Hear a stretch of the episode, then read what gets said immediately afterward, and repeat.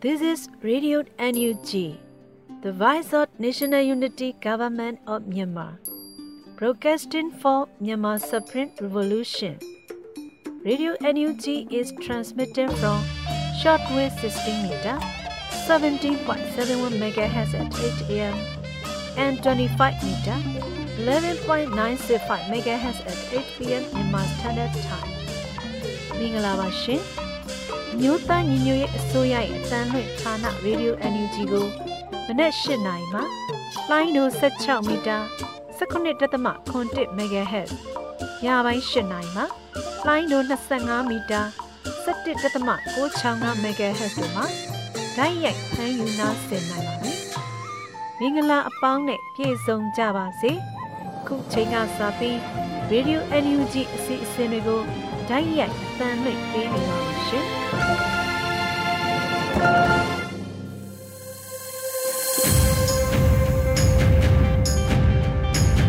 မာနိုင်ငံသူနိုင်ငံသားအပေါင်းတဘာဝဘေးစစ်အာဏာရှင်ဘေးတို့ကနေကင်းဝေးပြီးကိုစိတ်နှပါကျမ်းမာလုံခြုံကြပါစေလို့ရေဒီယိုအန်ယူဂျီဖွဲ့သားများကဆုတောင်းမြတ်တာပို့တာလိုက်ရပါတယ်ရှင်။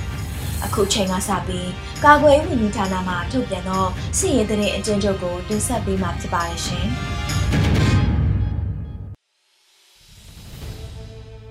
ကာကွယ်ရေးဝန်ကြီးဌာနမြို့သားညီညွတ်ရေးဆိုရမှထုတ်ဝေတဲ့နေ့စဉ်စစ်ရေးသတင်းချင်းချုပ်ကိုတင်ဆက်ပေးမှာဖြစ်ပါတယ်ကျွန်တော်ဟိတ်ကိုကိုပါစစ်ကောင်စီနဲ့တိုက်ပွဲဖြစ်ပွားမှုသတင်းများအနေနဲ့ကချင်ပြည်နယ်မှာနိုဝင်ဘာ17ရက်နေ့နေ့လယ်4:48မိနစ်ခန့်ကတာမဗမော်သို့ AR မြေတိုင်းစံတက်လာတဲ့ စကားဆစစ်တင်မော်အားရွှေကူမရောက်ခင်ဘူးကုန်းအထက်စစ်ကျုံကုန်းအနီးမှာပြည်သူ့ကာကွယ်ရေးအဖွဲ့ရွှေကူမှရှော့တိုက်တုံးနှလုံးနဲ့ပစ်ခတ်ခဲ့ရာရှော့တိုက်တုံးနှစ်ခုလုံးတင်မောကိုထိမှန်ခဲ့ပါတယ်စကိုင်းတိုင်းမှာနိုဝင်ဘာ12ရက်နေ့မနက်9:00နာရီခန့်ကကြီးကြိုင်မြို့အရှိဘက်ကပေါင်းနဲ့ရွာအဝယ်မှာစကားဆထောက်ဖို့ကားအသေးတစ်စီးအားပြည်သူ့ကာကွယ်ရေးတပ်ပေါင်းစုမှမိုင်းဆွဲတိုက်ခိုက်ခဲ့ပြီးစကားဆတပ်သားတအူတေဆုံးခဲ့ပါတယ်။ကိုးတိုင်းမှာ နိုဝင်ဘာ12ရက်နေ့မနက်3:00နာရီခန့်ကပြည်မြို့နယ်မော်စာမြို့မှာအုပ်ချုပ်ရေးမှူးရုံးရှိလုံခြုံရေးကင်းစကန်ကိုပြည်သူ့ကာကွယ်ရေးတပ်ပြည်မှဝင်ရောက်တိုက်ခိုက်ရာစကားဆ3ဦးသေဆုံးခဲ့ပြီးရရှိ2ဦးတန်ရာရရှိခဲ့ကပြည်သူ့ကာကွယ်ရေးတပ်သား2ဦးကြာဆုံးခဲ့ကြောင်းသိရပါတယ်။ဝေးတိုင်းမှာနိုဝင်ဘာ12ရက်နေ့နေ့လယ်12:34မိနစ်ခန့်ကမြိုင်မြို့နယ်မြိုင်စလင်းကြီးနယ်ဆက်ရှိစကားဆတပ်ကိုထောက်ပံ့ကြေးပေးနေတဲ့ရေနယ်စီကားတစ်စီးကိုပြည်သူ့ကာကွယ်ရေးတပ်မြိုင်ကမိုင်းဆွဲတိုက်ခိုက်ခဲ့ပါတယ်။ နိုဝင်ဘာ17ရက်နေ့မနက်10:00နာရီခွဲခန့်ကမြိုင်မြို့နယ်ကုန်းတော်ရွာအနီးမှာစကားဆတပ်ကိုပြည်သူ့ကာကွယ်ရေးတပ်မြိုင်ကမိုင်းနှလုံးနဲ့တိုက်ခိုက်ခဲ့ပြီးနေ့လယ်တနာရီမှာမြိုင်ရင်စကြိုနယ်ဆက်လဲကုတ်ရွာအနီးမှာမိုင်းသုံးလုံးနဲ့ထပ်မံတိုက်ခိုက်ခဲ့ပါတယ်။စေးပြမှုမတရားဖမ်းဆီးတပ်ဖြတ်မိရှုမှုတည်င်းများအနေနဲ့ကချင်ပြည်နယ်မှာနိုဝင်ဘာ12ရက်နေ့ကဘာကန်မြို့နယ်ဆိုင်းဖရာကျေးရွာရှိစကားဆ၏နိုင်ရတက်စကန်မှာလက်နက်ကြီး109မမများနဲ့ဆယ်ချိန်ထက်မနည်းပစ်ခတ်မှုကြောင့်ရွာသားများကြောက်လန့်နေကြောင်းသိရပါတယ်။ ဂရနီပြည်နယ်မှာနိုဝင်ဘာ12ရက်နေ့ကဂရနီဒေသမှာစကားဆတက်ကလက်နက်ကြီးနဲ့ပစ်ခတ်ခဲ့သောကြောင့်ဖဲခုတ်ဖျားကြောင့်ကယန်းတာယာဖျားကြောင့်ဒီမော့ဆိုစိန့်ဂျိုးဆက်ဖျားကြောင့်ဒေါငန်ခါငိမ့်ငိမ့်ရေးဘီရင်မဖျားကြောင့်ဒီမော့ဆိုနှစ်ချင်းဖျားကြောင့်ဖရူဆိုဖျားကြောင့်6မိုင်ဖျားကြောင့်တို့ပျက်စီးခဲ့ကြောင်းသိရပါတယ်။ချင်းပြည်နယ်မှာနိုဝင်ဘာ17ရက်နေ့ည6နာရီခွဲချိန်ကထန်တလန်မြို့ရှိအသစ်ဆောက်ထားတဲ့ဗီလာအဲတာဆောင်နာရှိလူနေအိမ်များကို စကားစတက်မှမိရှုရာ၃လုံးခန့်ထပ်မံလောင်ကျွမ်းသွားကြောင်းသိရပါတယ်။မွန်ပြည်နယ်မှာနိုဝင်ဘာ17ရက်နေ့နေ့လယ်2နာရီခွဲချိန်ကမူရုံမြို့နယ်လူမှုကယ်ဆယ်ရေးအဖွဲ့ဝင်ကိုစံလင်းဦးကို CDM ဝန်ထမ်းများနဲ့ဆက်သွယ်ရှိနေသည်ဟုဆွဆွဲချက်များဖြင့်စကားစတက်မှဖမ်းဆီးသွားခဲ့ပြီးမိတိနေရာတွေဖမ်းဆီးထိန်းသိမ်းထားသည်ကိုမသိရသေးကြောင်းနဲ့လက်ရှိချိန်ထိမိသားစုများနဲ့ဆက်သွယ်မရကြောင်းသိရပါတယ်။စကိုင်းတိုင်းမှာ နိုဝင်ဘာ12ရက်နေ့နေ့လယ်12နာရီခွဲချိန်ကမုံရမြို့ညောင်ရီရက်ကွက်မှာရဲဝက်လက်နက်ကိုင်းစကားစတက်နဲ့ရဲဆယ်ဦးမှ AC က2စီးနဲ့ဆိုင်ကယ်နဲ့လူငယ်ရွယ်3ဦးကိုလိုက်လံဖမ်းဆီးခဲ့ပါတယ်။နိုဝင်ဘာ12ရက်နေ့နေ့လယ်12နာရီခွဲချိန်ကမုံရမြို့ညောင်ရီရက်ကွက်တီရာလမ်းမှာဟိတဂါရီဘုံကြီးကျောင်းအရှိဘက်နေမက်ခင်ဝင်းကိုစကားစတက်များမှာ AC က2စီးဖြင့်လာရောက်ဖမ်းဆီးသွားခဲ့ပါတယ်။နိုဝင်ဘာ17ရက်နေ့ ည9နာရီခန့်ကပလဲမြို့နယ်မှာစကားစတက်များမှပလဲမြို့ဘက်မှကျေးရွာများဘက်သို့လက်နက်ကြီးများဖြင့်ခုနှစ်ချက်ခန့်ပစ်ခတ်ခဲ့ရာညကုန်းကျေးရွာနှင့်တစ်တရာကျေးရွာပြည်သူနေများပေါ်လက်နက်ကြီးကြီးများကြောက်ရောက်ခဲ့ပြီးညကုန်းကျေးရွာရှိလူနေ၅လုံးမှာတုံမိုးများပောက်ကွဲပျက်စီးကနွားချောက်လက်နက်ကြီးစံထိမှန်ခဲ့ပါတယ်။တစ်တရာကျေးရွာမှာလူနေ၅လုံးလည်းပျက်စီးခဲ့ပြီးပြည်သူ၄ဦးကြီးထိမှန်ဒဏ်ရာရကြောင်းသိရပါတယ်။နေပြည်တော်မှာ နိုဝင်ဘာ12ရက်နေ့ကနေပြည်တော်ပြည်တော်စုကောင်စီနေပြည်ပုပ္ပတီရီမြို့နယ်ဇီကုန်းကျေးရွာရှိဦးကျော်စန်းဦးမျိုးသားမပုတ်တဲ့အမတ်ကိုမြင့်ဆောင်ရမတနိုင်13631အားအော်တိုဝါ15ရက်နေ့မနေ့10နာရီခန့်ကစကားဆမ်းမှဖန်စီခေါ်ဆောင်သွားခဲ့ပြီးနိုဝင်ဘာ12ရက်နေ့မှာတေဆုံးသွားခဲ့ပါတယ်။နိုဝင်ဘာ17ရက်နေ့ညပိုင်းကနေပြည်တော်ပြည်တော်စုကောင်စီနယ်မြေလေဝင်းမြို့နယ်တစ်ပုတ်ပင်ရွာမှာ NLD ရက်ကျေးဥက္ကဋ္ဌကိုလိုင်စိုးနဲ့ရက်ကျေး NLD ပါတီဖွဲ့ဝင်များဖြစ်တဲ့ကိုမြင့်စိုး ကိုဆွေလှိုင်းဦးကိုချစ်တီခေါ်ကိုဆွေနိုင်ဦးနဲ့ကိုရွှေတိုးခေါ်ကိုသိန်းတိုးအောင်တို့ကိုစကားစကားမတရားဖမ်းဆီးသွားခဲ့ပါတယ်။နိုဝင်ဘာ17ရက်နေ့ကတမရာရုံးမှာတာဝန်ထမ်းဆောင်ခဲ့တဲ့ဒုညုံမှုအဆင့်ရှိသူအရာရှိတဦးကို88မျိုးဆက်ចောင်းသားကောင်းဆောင်ကိုကျင်မီခေါ်ဦးကျော်မင်းယူနဲ့ဆက်သွယ်ခဲ့သူဆွဆွဲချက်ဖြင့်ဖမ်းဆီးသွားခဲ့ပါတယ်။အကိုးတိုင်းမှာနိုဝင်ဘာ17ရက်နေ့ည7:00နာရီခန့်ကရောင်းမြို့နယ်အုပ်ရှိပင်မြို့မှာ CDM ဆီယာမနဲ့အသက်တစ်နှစ်ခွဲအရွယ်သားဖြစ်သူကို အကြမ်းဖက်စေအုပ်စုတပ်ဖွဲ့ဝင်များမှဖမ်းဆီးသွားကြောင်းသိရပါတယ်။ရန်ကုန်တိုင်းမှာနိုဝင်ဘာ17ရက်နေ့ည7:00နာရီခန့်ကတောင်ကုန်းမြို့နယ်ရှိအင်းဝအိမ်ယာတိုက်45 3လွာ၄လွာနဲ့၅လွာကိုစကားဆတပ်သားများဝင်ရောက်ရှာဖွေခဲ့ပြီးမြို့သား၃ဦးကိုဖမ်းဆီးခံခဲ့ရကြောင်းသိရပါတယ်။နိုဝင်ဘာ17ရက်နေ့နေ့လယ်3နာရီခန့်ကတကုံမြို့သစ်အရှိပိုင်းမြို့နယ်15ရက်ကွက်ဘရောက်တစ်လန်းတွင်နေထိုင်တဲ့လူငယ်တဦးကို၎င်းအလုပ်လုပ်နေသောဒလ YPC ဆိုင်မှာ အကြမ်းဖက်စစ်ကောင်စီမှဖမ်းဆီးခေါ်ဆောင်သွားပြီးဖုံးကိုပါသိမ်းဆည်းသွားခြင်းကြောင့်၎င်းဖုံးမှတစ်ဆင့်၎င်းနှင့်ပတ်သက်သောလူများကိုလိုက်လံစုံစမ်းနေကြောင်းသိရပါတယ်။တွေ့တွေ့သတင်းများအနေနဲ့နိုဝင်ဘာ9ရက်နေ့ကတောင်တာမြို့နယ်တပင်ကန်ကျေးရွာမှာတပ်ဆွဲထားတဲ့စကားဆများရုံးမင်းကျေးရွာသို့အသွားပြည်သူစစ်သား2ဦးလက်နက်အပြည့်စုံဖြင့်ထွက်ပြေးကပြည်သူဘက်သို့ရက်တည်ရန်စ조사ခဲ့ပါတယ်။နိုဝင်ဘာ17ရက်နေ့မှာဘိန်းရွယ်ကုန်းတောင်ဘက်သို့စကားစားများတောင်းနှင်းရှာဖွေရာပြည်သူစစ်သား2ဦးနှင့်အပြန်အလှန်ပစ်ခတ်မှုဖြစ်ပွားခဲ့ပြီး ပြည်သူစစ်သား2ဦးလုံးကြာဆုံးခဲ့ပါတယ်။ရဲဝံစွာဆုံးဖြတ်ပြီးပြည်သူဘက်မှရက်တည်ခဲ့တဲ့တပ်ပေးသွားသောပြည်သူစစ်သား2ဦးလုံးကောင်းရမွန်ရာရောက်ပါစေကြောင်းစုမုံကောင်းတောင်းအပ်ပါတယ်။ဟုတ်ကဲ့ပါ။အခုသတင်းများကိုရေပြင်သတင်းတာဝန်ခံများနဲ့သတင်းဌာနများမှဖော်ပြလာသောအချက်အလက်များပေါ်အခြေခံပြီးပြုစုထားတာဖြစ်ပါတယ်ခင်ဗျာ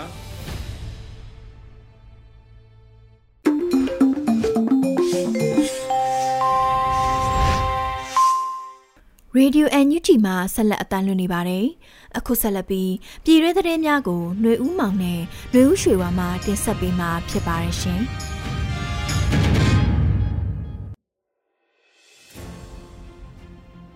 ယခုတင်ဆက်ပေးမှာကတော့12ရက်17လ2021ရပြည်တွင်းသတင်းများပဲဖြစ်ပါတယ်။ဒီအစီအစဉ်ကိုကျွန်တော်ຫນွေဦးမောင်နဲ့မတ်ຫນွေဦးရွှေဝါတို့မှတင်ဆက်ပေးသွားမှာဖြစ်ပါတယ်။သတင်းကောင်းစင်တွေကတော့ ပြည်ပသို့စံစကွဲတန်ချိန်နှစ်သက်သက်မှသိန်းကျော်အောက်တိုဘာလအတွင်းတင်ပို့ထားတဲ့သတင်း။နယ်ဆက်ကုံသွယ်ရေးစခန်းမှာတန်4600ကျော်သာတင်ပို့နိုင်ခဲ့တဲ့သတင်း။အရာတော်မြို့နယ်ရှောက်ခါရွာကိုစစ်ကောင်စီတပ်ဝင်စီးပြီးနေအိမ်ဆယ်လုံးကိုမိရှို့သွားခဲ့တဲ့တဲ့။အုပ်ချုပ်ရေးအဖွဲ့ကဘောလုံးပွဲကစားခွင့်ပြုပြီးနောက်ပိုင်းပူတာအိုတွင် COVID-19 ကူးစက်သိဆုံးမှုနှုန်းအဆမတန်တိုးပွားလာတဲ့သတင်းတို့ပဲဖြစ်ပါတယ်ခင်ဗျာပထမဦးဆုံးသတင်းအနေနဲ့ ပြည်ပသို့စံစကွဲတန်ချိန်နှစ်သက်သက်မှသိန်းကျော်အောက်တိုဘာလအတွင်းတင်ပို့ထားခဲ့တဲ့သတင်းနယ်စပ်ကုံသွေးရေးစခန်းမှတန်ချိန်4600ကျော်သာတင်ပို့နိုင်ခဲ့တဲ့သတင်းကိုတင်ဆက်ပေးပါမယ်ပြီးခဲ့တဲ့အောက်တိုဘာလအတွင်းပြည်ပနိုင်ငံများထံစံနဲ့စကွဲပမာဏတန်ချိန်နှစ်သက်သက်မှသိန်းကျော်တင်ပို့နိုင်ခဲ့တယ်လို့မြန်မာနိုင်ငံစံစပါးအသင်းချုပ် MRF ရဲ့ထုတ်ပြန်ချက်မှာဖော်ပြထားပါတယ်။ကုမ္ပဏီ32ခုကပင်လယ်ရေကြောင်းကုန်သွယ်မှုကတဆင့် ပြည်ပနိုင်ငံတွေကကုန်သွယ်မှုမိတ်ဖက်များထံစံ2,11959တန်တင်ပို့နိုင်ခဲ့ပြီးနယ်စပ်ကုန်သွယ်ရေးစခန်းများမှအိမ်နီးချင်းနိုင်ငံတို့ထံတန်ချိန်4161ပမာဏသာတင်ပို့နိုင်ခဲ့ပါတယ်။နေဆက်ချင်းထိစပ်နေတဲ့အိန္ဒိယနိုင်ငံအချို့ရဲ့ COVID-19 ကပ်ရောဂါအကြောင်းပြမှုကြောင့်နေဆက်ဂိတ်ပေါက်တွေပိတ်ထားခဲ့ပြီးပုတ်ကုံတင်ပို့မှုပမာဏလည်းတိတိတသာကျဆင်းသွားခဲ့ခြင်းဖြစ်ပါတယ်။အော်တိုဘာလအတွင်း ပြည်ပကိုတင်ပို့တဲ့စံအမျိုးအစားတွေရဲ့ဈေးနှုန်းတွေကအရေးအသွေးနဲ့အမျိုးအစားပေါ်မူတည်ပြီး metric တန်ကို American Dollar 315မှ350အထိပေါက်ဈေးနှုန်းရခဲ့တယ်လို့သိရပါတယ်။ဒီဈေးနှုန်းများအရကမ္ဘာဈေးကွက်မှာထိုင်းဗီယက်နမ်နိုင်ငံတို့ရဲ့နှုံထားများထက်မြမဆန်ဈေးကများစွာနှိမ့်ကျနေပြီးအိန္ဒိယပါကင်စတန်တို့ရဲ့ပေါက်ဈေးထက်ဈေးနှုန်းများမြင့်မားနေကြောင်း MRF ရဲ့အချက်လက်တွေမှာဖော်ပြထားပါတယ်။ မြန်မာနိုင်ငံတင်ပို့ရောင်းချတဲ့စံနဲ့စကွဲကိုတရုတ်နိုင်ငံကအများဆုံးဝယ်ယူထားပြီးစံတန်ချိန်3400ကျော်နဲ့စကွဲတန်ချိန်6900ကျော်ကိုဝယ်ယူထားပါတယ်။ကြန့်ရှိတဲ့စံတွေကို Ivory Coast ဖိလစ်ပိုင်တို့အပါအဝင်73နိုင်ငံကဝယ်ယူထားပြီးစကွဲတန်ချိန်တသိန်းဝန်းကျင်ကိုလည်းတရုတ်ရဲ့ပမာဏအများဆုံးဝယ်ယူမှုအပြင်ရှစ်နိုင်ငံကိုရောင်းချနိုင်ခဲ့ပါတယ်။ပြီးခဲ့တဲ့2019-2020ဘဏ္ဍာနှစ်မှာ မြန်မာနိုင်ငံကနေပြည်ပနိုင်ငံများထံစံစကွဲတန်ချိန်1.3တန်းခန့်တင်ပို့နိုင်ခဲ့ပြီးစံတင်ပို့မှုမှပို့ကုန်ဝင်ငွေအမေရိကန်ဒေါ်လာတန်း800ကျော်ရရှိခဲ့တယ်လို့သိရပါတယ်။ဇက်လက်ပြီးအရာတော်မြို့နယ်လျှောက်ခါရွာကိုစက်ကောင်စီတပ်ဝင်စီးပြီးနေအိမ်ဆယ်လုံးကိုမီးရှို့သွားခဲ့တဲ့တဲ့တင်ကိုတင်းဆက်ပေးပါမယ်။ပြီးခဲ့တဲ့နိုဝင်ဘာ17ရက်နေ့က အရာတော်မြို့နယ်မြောက်ပိုင်းမှာရှိတဲ့ရှောက်ခါကျေးရွာကိုစစ်ကောင်စီတပ်ကဝင်ရောက်စီးနင်းခဲ့ပြီးနေအိမ်ဆယ်လုံးကိုမီးရှို့ဖျက်ဆီးသွားကြောင်းဒေသခံတွေစီကနေတဆင့်သိရပါတယ်။နိုဝင်ဘာ17ရက်နေ့မနက်ပိုင်းမှာစစ်ကောင်စီတပ်ကရှောက်ခါရွာကိုအင်အား30ခန်းဖြင့်ဝင်ရောက်စီးနင်းရာဒေသခံတွေဘေးလွတ်ရာထွက်ပြေးခဲ့ကြရပြီးနေ့လယ်12နာရီတွင်ရွာဘက်မှနေပြီးမိโกလုံးများထွက်ပေါ်လာခဲ့ကြောင်းထို့နောက် 17ရက်နေ့မနက်ရွာအတွင်းမြင်ကွင်းအရနေအိမ်ဆယ်လုံးမီးရှို့ခံထားရတာကိုမြင်တွေ့ခဲ့ရကြောင်းဒေသခံတွေကပြောပါတယ်။ရှောက်ခါရွာရှိစစ်ကောင်စီတရင်ပေးဒလန်ဟုသတ်မှတ်ခံထားရတဲ့စက်ခံရေးပါတီစီယုံရေးမှုဦးမော်ကြီးဆိုသူအသက်ခံရပြီးနောက်စစ်ကောင်စီတပ်ကရွာသို့ဝင်ရောက်စီးနင်းခဲ့ခြင်းဖြစ်ကြောင်းဒေသခံတို့ကပြောပါတယ်။ အလားတူနိုဝင်ဘာ10ရက်နေ့ကလည်းရှောက်ခါရွာရှိနေအိမ်တစ်လုံးအတွင်းမိသားစုလိုက်၄ဦးအသက်ခံရမှုတစ်ခုဖြစ်ပွားခဲ့ပြီးအသက်ခံရသူများမှာဦးထွန်းရွှေနဲ့သားဖြစ်သူဦးအောင်နိုင်တမတ်တော်ဆက်သူဦးဝင်းလွင်ထွန်းဦးချစ်စန်းကိုဆိုသူတို့ဖြစ်ကြောင်းသိရပါတယ်။၎င်းတို့၄ဦးအသက်ခံရမှုဖြစ်စဉ်တွင်လည်းအရာတော်နင်းကြအဖွဲ့က၎င်းတို့လက်ချက်ဖြစ်ကြောင်းထုတ်ပြန်ကြေညာခဲ့ပြီး၎င်း၄ဦးမှာပြူစောတိအဖွဲ့ဝင်စစ်ကောင်စီတရင်ပေးများဖြစ်ကြောင်းဖော်ပြခဲ့ပါတယ်။ နိုဝင်ဘာ17ရက်နေ့ကစစ်ကောင်စီတပ်မီးရှို့ခဲ့တဲ့နေအိမ်ဆယ်လုံးမှာစစ်ကောင်စီစန့်ကျင်ရေးဆန္ဒထုတ်ဖော်ပွဲမှာပါဝင်သူတွေရဲ့နေအိမ်အများစုဖြစ်ကြောင်းအရာတော်မြို့နယ်သတင်းပြန်ကြားရေးဌာနကထုတ်ပြန်ထားပါတယ်။လက်ရှိတွင်ရှောက်ခါရွာဒေသခံများမှာစစ်ကောင်စီတပ်ကိုကြောက်သဖြင့်ရွာသို့မပြန်ရဲသေးဘဲထွက်ပြေးပုန်းအောင်နေရဆဲဖြစ်ကြောင်းသိရပါတယ်။ပြီးခဲ့တဲ့အောက်တိုဘာ24ရက်နေ့ကလည်းစစ်ကောင်စီတပ်သည်ရှောက်ခါရွာရှိနေအိမ်အချို့ကိုမီးရှို့ခဲ့သေးကြောင်းဒေသခံတွေပြောပြချက်အရသိရပါတယ်ခင်ဗျာ။ ဆက်လက်ပြီးကြရှိတဲ့တင်ကိုမတ်ຫນွေဦးရွှေဝါမှတင်ဆက်ပေးပါမယ်။အခုဆက်လက်ပြီးအုပ်ချုပ်ရေးဘွဲကဘောလုံးကစားခွင့်ပြုပြီးနောက်ပိုင်းမှာတော့ပူတာအုံမှာ COVID-19 ကူးစက်သေဆုံးမှုနှုန်းဆက်မတန်တိုးလာဆိုတဲ့သတင်းကိုတင်ဆက်ပေးပါမယ်။ကချင်ပြည်နယ်ပူတာအုံမြို့နယ်မှာစစ်ကောင်စီလက်အောက်ခံအုပ်ချုပ်ရေးမှုဖွဲ့တွေကကြေးရွာအလိုက်ဘောလုံးကစားရန်ခွင့်ပြုမိတ်ပေးပြီးနောက်ပိုင်းမှာတော့ COVID-19 ရောဂါကူးစက်မှုနှုန်းတွေပြန်လည်မြင့်တက်နေကြောင်းသိရပါတယ်။ပြီးခဲ့တဲ့အောက်တိုဘာလလယ်ပိုင်းမှာပူတာအုံမှာရက်ွက်အလိုက်ယဉ်ကျေးမှုဖလားဘူလူပွဲ ဘောလုံးစားပွဲကျင်းပလိုက်တာကြောင့်ရက်ကွက်အတွင်းမှာရှိတဲ့ပြည်သူတွေကိုဗစ်ကူးစက်မှုနှုန်းပြန်လည်များပြားလာတယ်လို့ပူတာအောင်မြို့မှာနေထိုင်သူတဦးကပြောပါတယ်။ကိုဗစ်ကငြိမ်တလောက်ဖြစ်နေပြီးလုံးဝပျောက်သွားတာမျိုးတော့မဟုတ်တဲ့အခြေအနေမှာကိုအုပ်ချုပ်ရေးအဖွဲ့ကယဉ်ကျေးမှုအဖွဲ့ကိုဘောလုံးကစားခွင့်ပေးလိုက်လို့အခုဆိုရက်ကွက်အားလုံးမှာကိုဗစ်ကူးစက်ခံနေရတယ်။မဖြစ်တဲ့သူမရှိတော့ဘူး။အားလုံးဖျားကြတယ်။ကြေးရွာရက်ကွက်အလိုက်ဆိုတော့ပိုဆိုးသွားတာပေါ့လို့သူကပြောပါတယ်။ ဘောလုံးကစားပွဲကိုတရက်ကိုကြေးရွာ6ခုနဲ့အသင်း3ဖွဲ့နဲ့ပုံမှန်ကစားခဲ့တာဖြစ်ပါတယ်။ဒီဘောလုံးပွဲရဲ့နောက်ဆက်တွဲမှာတော့ကိုဗစ်ရောဂါကူးစက်မှုကမြို့ပေါ်နဲ့ကြေးရွာအတွင်းထိန်းချုပ်ရန်ခက်ခဲသွားတယ်လို့သူကဆက်ပြောပါတယ်။မြို့ပေါ်မှာရှိတဲ့ဆရာဝန်တွေလည်းထိန်းချုပ်ဖို့မနိုင်တော့ဘူးတချို့ဆိုရင်တချို့ကြေးရွာတွေမှာကာကွယ်ဆေးထိုးပြီးတွားရှောင်နေကြတယ်။အုပ်ချုပ်ရေးဖွဲ့တွေကလည်းဘာမှမလုပ်ပေးနိုင်တော့ဘူး။အခြေအနေကိုပြောရရင်ကိုဖြစ်ကိုခံပေါ့အရန်ဆိုးနေတယ်လို့သူကပြောပါတယ်။ပူတာအုံမြို့နယ်အတွင်းမှာကိုဗစ်ရောဂါကူးစက်မှု မြင့်တက်နေပြီမဲ့လည်းလေးဘက်တိုင်တိုင်ပုံမှန်ကစားခဲ့ပြီးနိုဝင်ဘာ23ရက်နေ့မှာနောက်ဆုံးဘူလူပွဲဆက်လက်ကျင်းပသွားမှာဖြစ်ကြောင်းသိရပါဗျ။ပူတောင်မြို့နယ်မှာရှိတဲ့ကြေးရွာ60ခန်းနဲ့မြို့ပေါ်ရက်ကွက်10ခုတို့မှာကိုဗစ်ကူးစက်မှုပြင်းထန်နေပြီးတော့လက်ရှိမှာစစ်ဆေးမှုခံယူထားတဲ့အတည်ပြုလူနာဟာ800နီးပါးခန့်ရှိကြောင်းသိရပါဗျ။ကြေးရွာအလိုက်နဲ့ရက်ကွက်အတွင်းကိုဗစ်ကူးစက်ပြန့်နှံ့မှုပြင်းထန်နေတဲ့အတွက်ယောဂကူးစက်ခံရတဲ့တက်ကြီးရွယ်တွေတရက်မှာ2ဦးထက်မနည်းသေဆုံးမှုတွေဖြစ်ပွားနေကြောင်းနဲ့ နောက်ထပ်ပူတာအိုဒေသခံတဦးကအခုလိုပြောပါတယ်ပူတာအိုမှာယောဂကူးစက်ခံရတဲ့သူတွေအများများလာတယ်အသက်ကြီးတဲ့လူတွေဆိုရင်တရက်ကို2ယောက်လောက်ဆုံးနေတယ်ဒါတောင်ကျွန်တော်တို့အနီးတစ်ဝိုက်မှာဖြစ်တာကျန်တဲ့နေရာတွေမှာလည်းအတူတူဖြစ်လိမ့်မယ်လို့သူကပြောပါတယ်အဲ့လိုပဲပြီးခဲ့တဲ့လကပူတာအိုခရိုင်နောင်မုံမြို့နယ်မှာလည်းဌာနီပြည်သူစစ်အဖွဲ့ကနေပြီးတော့ရက်ကွက်ဘောလုံးကစားပွဲပြုလုပ်ခဲ့တာကြောင့်နောင်မုံမြို့နယ်အတွင်းကိုဗစ်ရောဂါကူးစက်မှုမြင့်တက်ခဲ့တာဖြစ်ပါတယ်ရှင်ကျွန်မကတော့မျိုးရှိပါပါ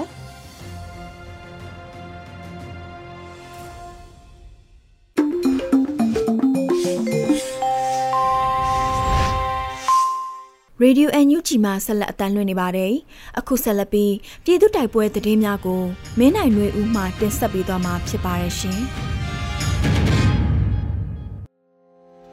ပထမဆုံးတင်ဆက်ပေးမှာကတော့တမန်9နေမြေအတွင်းဝင်ရောက်လှုပ်ရှားလာတဲ့စစ်ကောင်စီတပ်နဲ့ KNN ကြားနှစ်ရက်အတွင်းပြစ်ခတ်မှု22ကြိမ်ဖြစ်ပွားပြီးစစ်ကောင်စီတပ်မှ23ဦးသေဆုံးတဲ့တဲ့ရင်မှာကရင်မျိုးသားစီယုံ KNU တပ်မှ9နေမြေ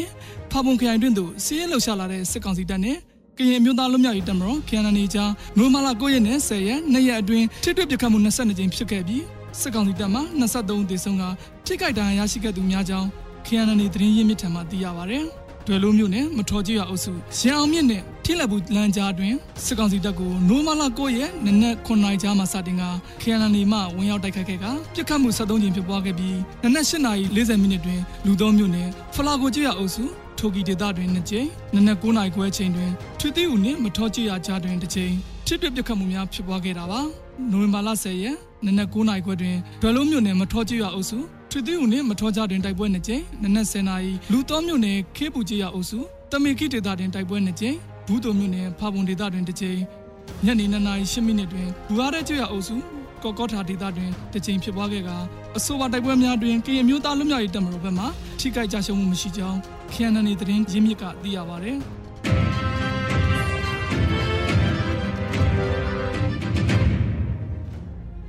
ဆက်လက်ပြီးရှမ်းမြောက်ရှိနေရာနှစ်ခုတွင်စစ်ကောင်စီရင်နှန်းကို MNDAA ကကြားဖြတ်တိုက်ခိုက်ပြီးစစ်ကားကိုစီဖျက်ဆီးနိုင်ခဲ့တဲ့သတင်းမှာ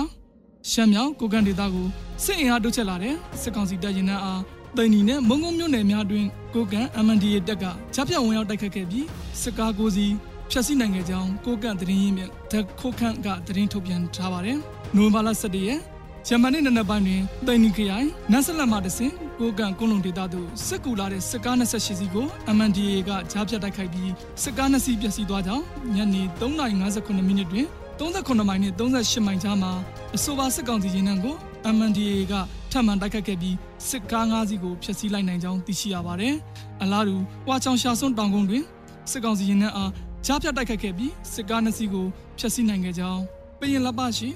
MNDA စခန်းကိုထိုးစစ်ဆင်လာတဲ့စစ်ကောင်စီတပ်နဲ့ညနေ3:50မိနစ်တွင်တိုက်ပွဲဖြစ်ပွားခဲ့ကြောင်းကိုကန့်သတင်းရင်းမြစ်မှဆိုပါတယ်။ယင်းအပြင်မုံကိုခရိုင်မန်ဖာဒေသနှင့်ဒိနီခရိုင်ပန်းလုံရွာတို့တွင်လည်းတိုက်ပွဲများဖြစ်ပွားခဲ့ကြောင်းဖော်ပြထားပြီးနှစ်ဖက်ကြာရှုံးမှုစီးရင်အားထုတ်ပြန်ထားခြင်းမရှိပါဘူး။မုံကိုနှင့်ဖောင်းဆိုင်ကြားရှိ MNDA တပ်ခွဲ၃ခုတပ်ဆွဲရာရှီရန်တပ်စခန်း၃ခုကိုနိုဝင်ဘာလ9ရက်နေ့တွင်ဆုတ်ခွာကြောင်း MNDA ပြောခွင့်ရ လီချမ်းဖူမှပြောဆိုထားပြီးအကြမ်းဖက်စစ်ကောင်စီတပ်နှင့် MNDA ကြားတိုက်ပွဲများဆက်လက်ဖြစ်ပွားနေတာပါ။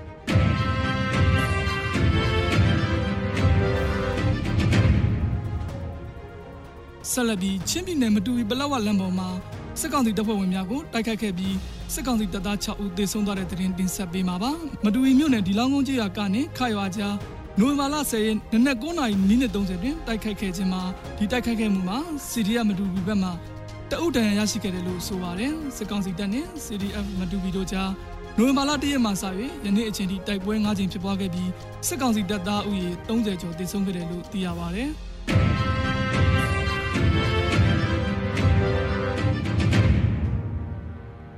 နောက်ဆုံးအနေနဲ့အမျိုးသားညီညွတ်ရေးအစိုးရပြည်ထရေးနဲ့လူဝင်မှုကြီးကြပ်ရေးဝန်ကြီးဌာနက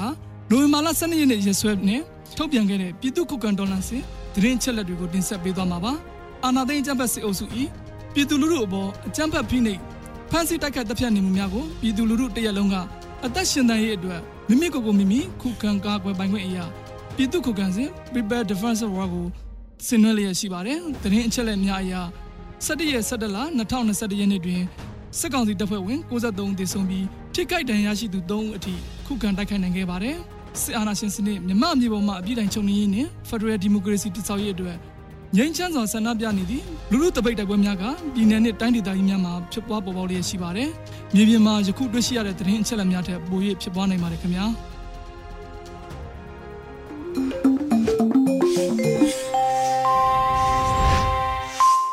Radio NUG မှာဆက်လက်အသံလွှင့်နေပါတယ်။အခုချိန်ကစပြီးနေ့စဉ်သတင်းများကိုမတ်ထထအိန္ဒြာအောင်မှတင်ဆက်ပေးသွားမှာဖြစ်ပါတယ်ရှင်။ အခုပထမအဆုံးအနေနဲ့အမျိုးသားညီညွတ်ရေးအစိုးရလျှက်စစ်နဲ့စွမ်းရည်ဝန်ကြီးဌာနကအိမ်သုံးဆိုလာစနစ်နဲ့ပတ်သက်ပြီးဘေးအန္တရာယ်အနည်းဆုံးဖြစ်စေဖို့လမ်းညွှန်ချက်တွေကိုထုတ်ပြန်လိုက်တဲ့သတင်းကိုတင်ဆက်ပေးပါမယ်။ အကြမ်းဖက်စစ်အုပ်စုကိုခုခံတိုက်ခိုက်နေတဲ့အရေးပေါ်ကာလအတွင်းမှာဓာတ်အားမပြတ်တောက်စေဖို့နေအောင်ကြီးအားသုံးလျှက်စစ်ဓာတ်အားစနစ်အားအရန်အတားဖြစ်နေဆောင်ရွက်ကြဖို့အမျိုးသားညီညွတ်ရေးအစိုးရကတိုက်တွန်းထားပြီးအိမ်သုံးဆိုလာစနစ်နဲ့ပတ်သက်ပြီးဘေးအန္တရာယ်အနည်းဆုံးဖြစ်စေဖို့လမ်းညွှန်ချက်တွေကိုထုတ်ပြန်ထားပါတယ်။နိုင်ငံသူနိုင်ငံသားတွေကိုအကြမ်းဖက်နှိမ်နင်းနေတဲ့စစ်အုပ်စုကိုလှဲနေလှင်အောင်မြင်းဆောင်မချံခုခံတိုက်ခိုက်ဖို့အမျိုးသားညီညွတ်ရေးအစိုးရကစက်တင်ဘာ9ရက်ကစပြီးနှိုးဆော်ခဲ့ပါတယ်။ လျှက်စစ်နဲ့စွမ်းရည်ဝန်ကြီးဌာနအနေနဲ့အရေးပေါ်ကာလအတွင်းအရေးကြီးတဲ့ဆေးရုံကျန်းမာရေးဌာနနဲ့တခြားနေရာတွေမှာတအားမပြတ်တောက်စေဖို့စီမံချက်တွေရေးဆွဲထားပြီးပြည်သူလူထုထိခိုက်မှုအ ਨੇ ဆုံးဖြစ်စေဖို့ပြင်ဆင်ထားတယ်လို့ဆိုပါတယ်။ဒါပေမဲ့ပြည်သူတဦးချင်းမိသားစုတဦးချင်းအနေနဲ့လည်းပြင်ဆင်ထားနိုင်ဖို့နဲ့အခုအခါမှာသဘာဝပတ်ဝန်းကျင်နဲ့ညီညွတ်တဲ့ကုန်ကြစည်တက်တာလာပြီးဖြစ်တဲ့နေအောင်ကြီးအားသုံးလျှက်စစ်ဓာတ်အားစနစ်ကိုအရန်အတားအဖြစ်နဲ့ဆောင်ရွက်ကြဖို့တိုက်တွန်းအားပေးကြောင်းထုတ်ပြန်ခဲ့ပါတယ်။ ဒီလိုထုတ်ပြန်ရမှာလုပ်ငန်းတွေမှာဘေးအန္တရာယ်အ ਨੇ ဆုံးဖြစ်စေဖို့လမ်းညွှန်ချက်တွေကိုထုတ်ပြန်ခဲ့ရမှာအိမ်သုံးဆိုလာစနစ်အကြောင်းသိကောင်းစရာအချက်တွေကိုရုပ်ပုံတွေနဲ့တကွအမျိုးသားညီညွတ်ရေးအစိုးရရဲ့ Facebook စာမျက်နှာမှာဖော်ပြထားပါတယ်။ဒီလိုထုတ်ပြန်ရမှာစွမ်းအင်မြင့်မိချောင်းမိလုံးနဲ့လျှက်စစ်ပစ္စည်းတွေကိုသုံးဖို့အသုံးမပြုတဲ့စက်ပစ္စည်းတွေကိုပလက်ဖြုတ်ထားဖို့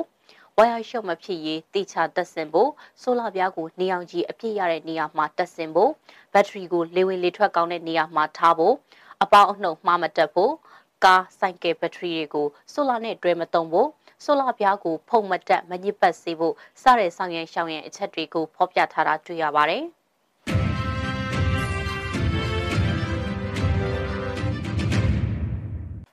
အမျိုးသားညီညွတ်ရေးအစိုးရပြည်ထောင်စုဝန်ကြီးချုပ်ရုံးကသာသနာရေးနဲ့ယဉ်ကျေးမှုဝန်ကြီးဌာနလောက်ကဝန်ထမ်း20ဦးကိုဝန်ထမ်းအဖြစ်ကထုတ်ပြလိုက်တဲ့သတင်းကိုဆက်လက်တင်ဆက်ပေးကြပါမယ်။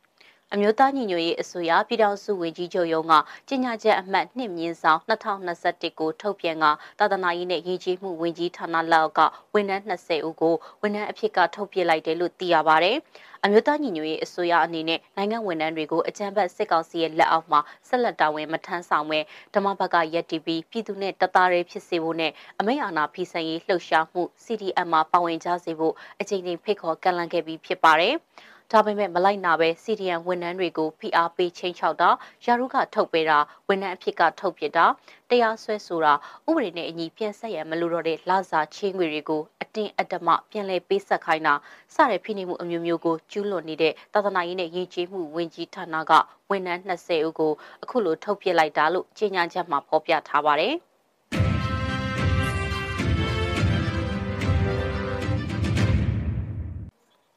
ဆက်လက်ပြီးအမျိုးသားညီညွတ်ရေးအစိုးရကသတင်းနဲ့စာနယ်ဇင်းလုပ်ငန်းကဝန်ထမ်း80ကိုအမြင့်ပြည့်စီရေးကြီးညာလိုက်တဲ့သတင်းကိုတင်ဆက်ပေးပါမယ်။အမျိုးသားညီညွတ်ရေးအစိုးရဆက်သွယ်ရေးသတင်းအချက်အလက်နဲ့ဤပညာဝန်ကြီးဌာနအနေနဲ့ CDM ဝန်ထမ်းတွေကိုဖိအားပေးပြီးအကြမ်းဖက်စစ်ကောင်စီလက်အောက်မှာအလုပ်ကျွေးပြုနေတဲ့ဝန်ထမ်း80ကိုဝန်ထမ်းဖြစ်ကထုတ်ပြပြီးနိုင်ငံသစ္စာပေါက်တွေအဖြစ်အမြင့်ပြည့်စီရင်ကြီးညာလိုက်တာပါ။ထုတ်ပယ်ခံရတဲ့ဝန်ထမ်းတွေကတော့သတင်းနဲ့စာနယ်ဇင်းလုပ်ငန်းကဥဆောင်ညွှန်ကြားရေးမှု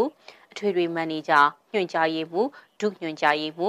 မန်နေဂျာလက်ထောက်မန်နေဂျာစတဲ့သူတွေပါဝင်ပြီးအမည်စည်းရင်းနဲ့တကွထုတ်ပြန်ခဲ့တာဖြစ်ပါတယ်။ထုတ်ပြန်ချက်စည်းရင်းထဲမှာဖော်ပြထားတဲ့ယာဒူးနေရာတွေဟာစစ်ကောင်စီကအရမအာဏာယူခြင်းမပြုခင်ကယာဒူးတွေဖြစ်တယ်လို့လည်းဖော်ပြထားပါတယ်။အမျိုးသားညီညွတ်ရေးအစိုးရဟာနိုင်ငံတော်အာဏာကိုအကြမ်းဖက်စစ်ကောင်စီကမတရားသိမ်းယူရရှိခဲ့ပြီးနောက်ပိုင်း နိုင်ငံဝန်ထမ်းတွေအနေနဲ့အာဏာသိမ်းစစ်ကောင်စီလက်အောက်မှာဆက်လက်အလုပ်အကျွေးမပြုဘဲတရားမျှတမှုနဲ့ပြည်သူလူထုရဲ့အကျိုးကိုရှေ့ရှုပြီးမတရားတဲ့အမိန့်အာဏာဖီဆန်ရေးလှုပ်ရှားမှု CDM မှာပါဝင်ကြဖို့အချိန်ချင်းဖိတ်ခေါ်ကန့်လန့်ခဲ့ပြီးဖြစ်တယ်လို့ဝန်ကြီးဌာနကထုတ်ပြန်ခဲ့ပါတယ်။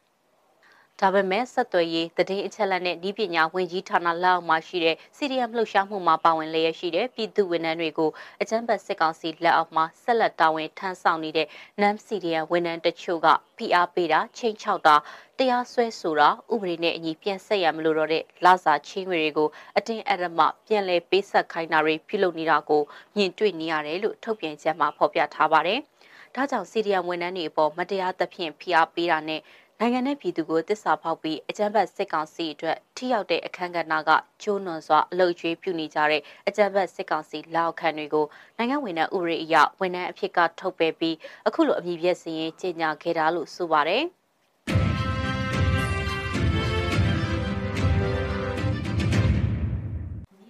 နိုဝင်နိုဝင်ဘာလ17ရက်နေ့အထိအကြမ်းဖက်စစ်ကောင်စီရဲ့တပ်ဖြတ်မှုကြောင့်ကြာဆုံးသူ1253ဦးရှိနေပြီဖြစ်ကြောင်း AAPP ကထုတ်ပြန်ခဲ့တဲ့သတင်းကိုဆက်လက်တင်ဆက်ပေးပါမယ်။နိုင်ငံရေးအကျဉ်းသားများကိုညီဆောက်ရှောက်ရေးအသင်း AAPP ကကောက်ခံရရှိတဲ့မှတ်တမ်းတွေအရ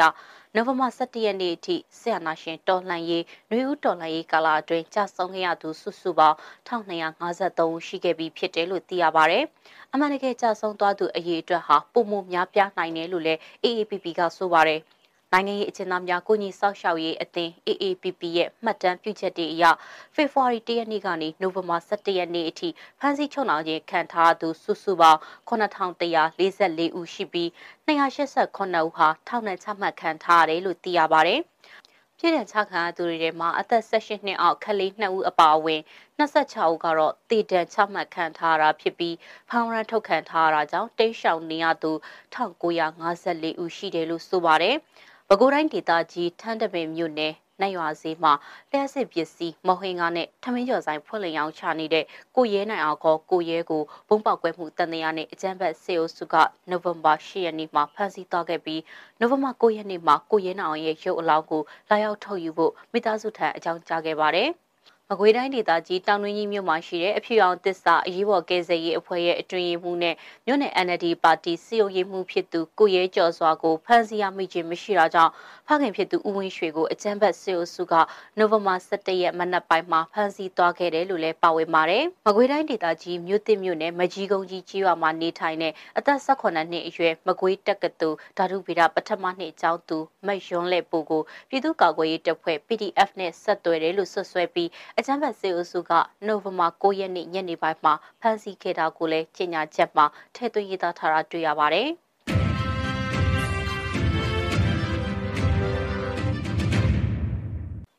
ဆလပီအုတ်ရှိပင်မျိုးက CDM ဆီယာမနဲ့တနှစ်ခွဲအရွယ်သားကိုအကြမ်းဖက်စစ်ကောင်စီကဖမ်းဆီးခဲ့တဲ့တဲ့တင်ကိုတင်ဆက်ပေးချင်ပါတယ်။ ပဒေါင်းမြို့နယ်အုတ်ရှိပင်မြို့က CDN ဆီယာမနဲ့အသက်တစ်နှစ်ခွဲရွယ်သားဖြစ်သူကိုနိုဝင်ဘာ17ရက်နေ့ည7:00နာရီလောက်မှာအကြမ်းဖက်စေအုပ်စုတပ်ဖွဲ့ဝင်တွေကဖမ်းဆီးသွားတယ်လို့မြို့ကန်ဒီစီကသိရပါဗျ။စေအုပ်စုတပ်ဟာပဲခူးတိုင်းအနောက်ချမ်းပြည်ခရိုင်ပဒေါင်းမြို့နယ်အုတ်ရှိပင်မြို့ကဆီယာမဒေါ်ယူယူအောင်ရဲ့နေအိမ်မှာလာဖမ်းသွားတာလို့အုတ်ရှိပင်မြို့သားတအူးကပြောပါတယ်။ဆီယာမက CDM လုပ်ပြီးဈေးအောင်စားနေတာပါလို့သူကဆက်ပြောပါတယ်။ မကြသေးခင်ကလည်းအုတ်ရှိပင်မြို့အနီးမကြီးထုံချီရွာကအသက်25နှစ်အရွယ် CDM ကျောင်းဆရာတအုပ်နဲ့အတူသူ့မိခင်ကိုပါစစ်အုပ်စုကဖမ်းဆီးခဲ့သေးတယ်လို့လည်းသိရပါဗျ။နိုဝင်ဘာလအတွင်းစီရီယံဝန်ထမ်းတွေကိုဖမ်းဆီးခြင်းပြင်စစ်အုပ်စုကဖမ်းမမိတဲ့ NLD လွှတ်တော်ကိုယ်စားလှယ်တွေအပါအဝင်တက်ကြွလှုပ်ရှားသူတွေရဲ့ပိုင်ဆိုင်မှုတွေကိုသိသိထားတွေပါခက်စိတ်စိတ်တွေ့လာတာဖြစ်ပါတယ်။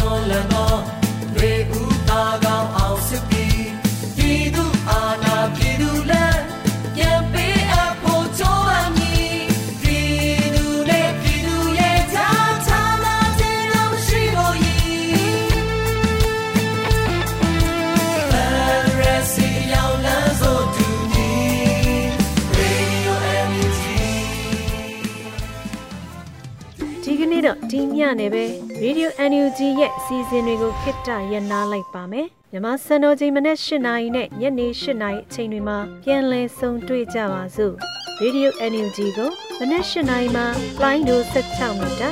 19.7 MHz ညပိုင်း၈နာရီမှာလိုင်းဒို25မီတာ17.665 MHz တို့မှာဓာတ်ရိုက်ဖမ်းယူနာဆင်နိုင်ပါပြီ။မြန်မာနိုင်ငံသူနိုင်ငံသားများကိုစိတ်နှပြချမ်းမှချမ်းသာလို့ ဘေးကင်းလုံခြုံကြပါစေလို့ Radio NUG ဖွဲ့သူဖွဲ့သားများကဆုတောင်းလိုက်ရပါတယ်။မြို့သားညီညွတ်ရေးအစိုးရရဲ့စက်သွယ်ရေးတည်အချက်လက်နဲ့ဤပညာဝန်ကြီးဌာနကထုတ်လွှင့်နေတဲ့ Radio NUG ဖြစ်ပါတယ်။ San Francisco Bay Area အခြေစိုက်မြန်မာမိသားစုများနဲ့နိုင်ငံတကာကစေတနာရှင်များလုံအားပေးများရဲ့ Radio NUG ဖြစ်ပါတယ်။ရှေးတော်ပုံအောင်ရမည်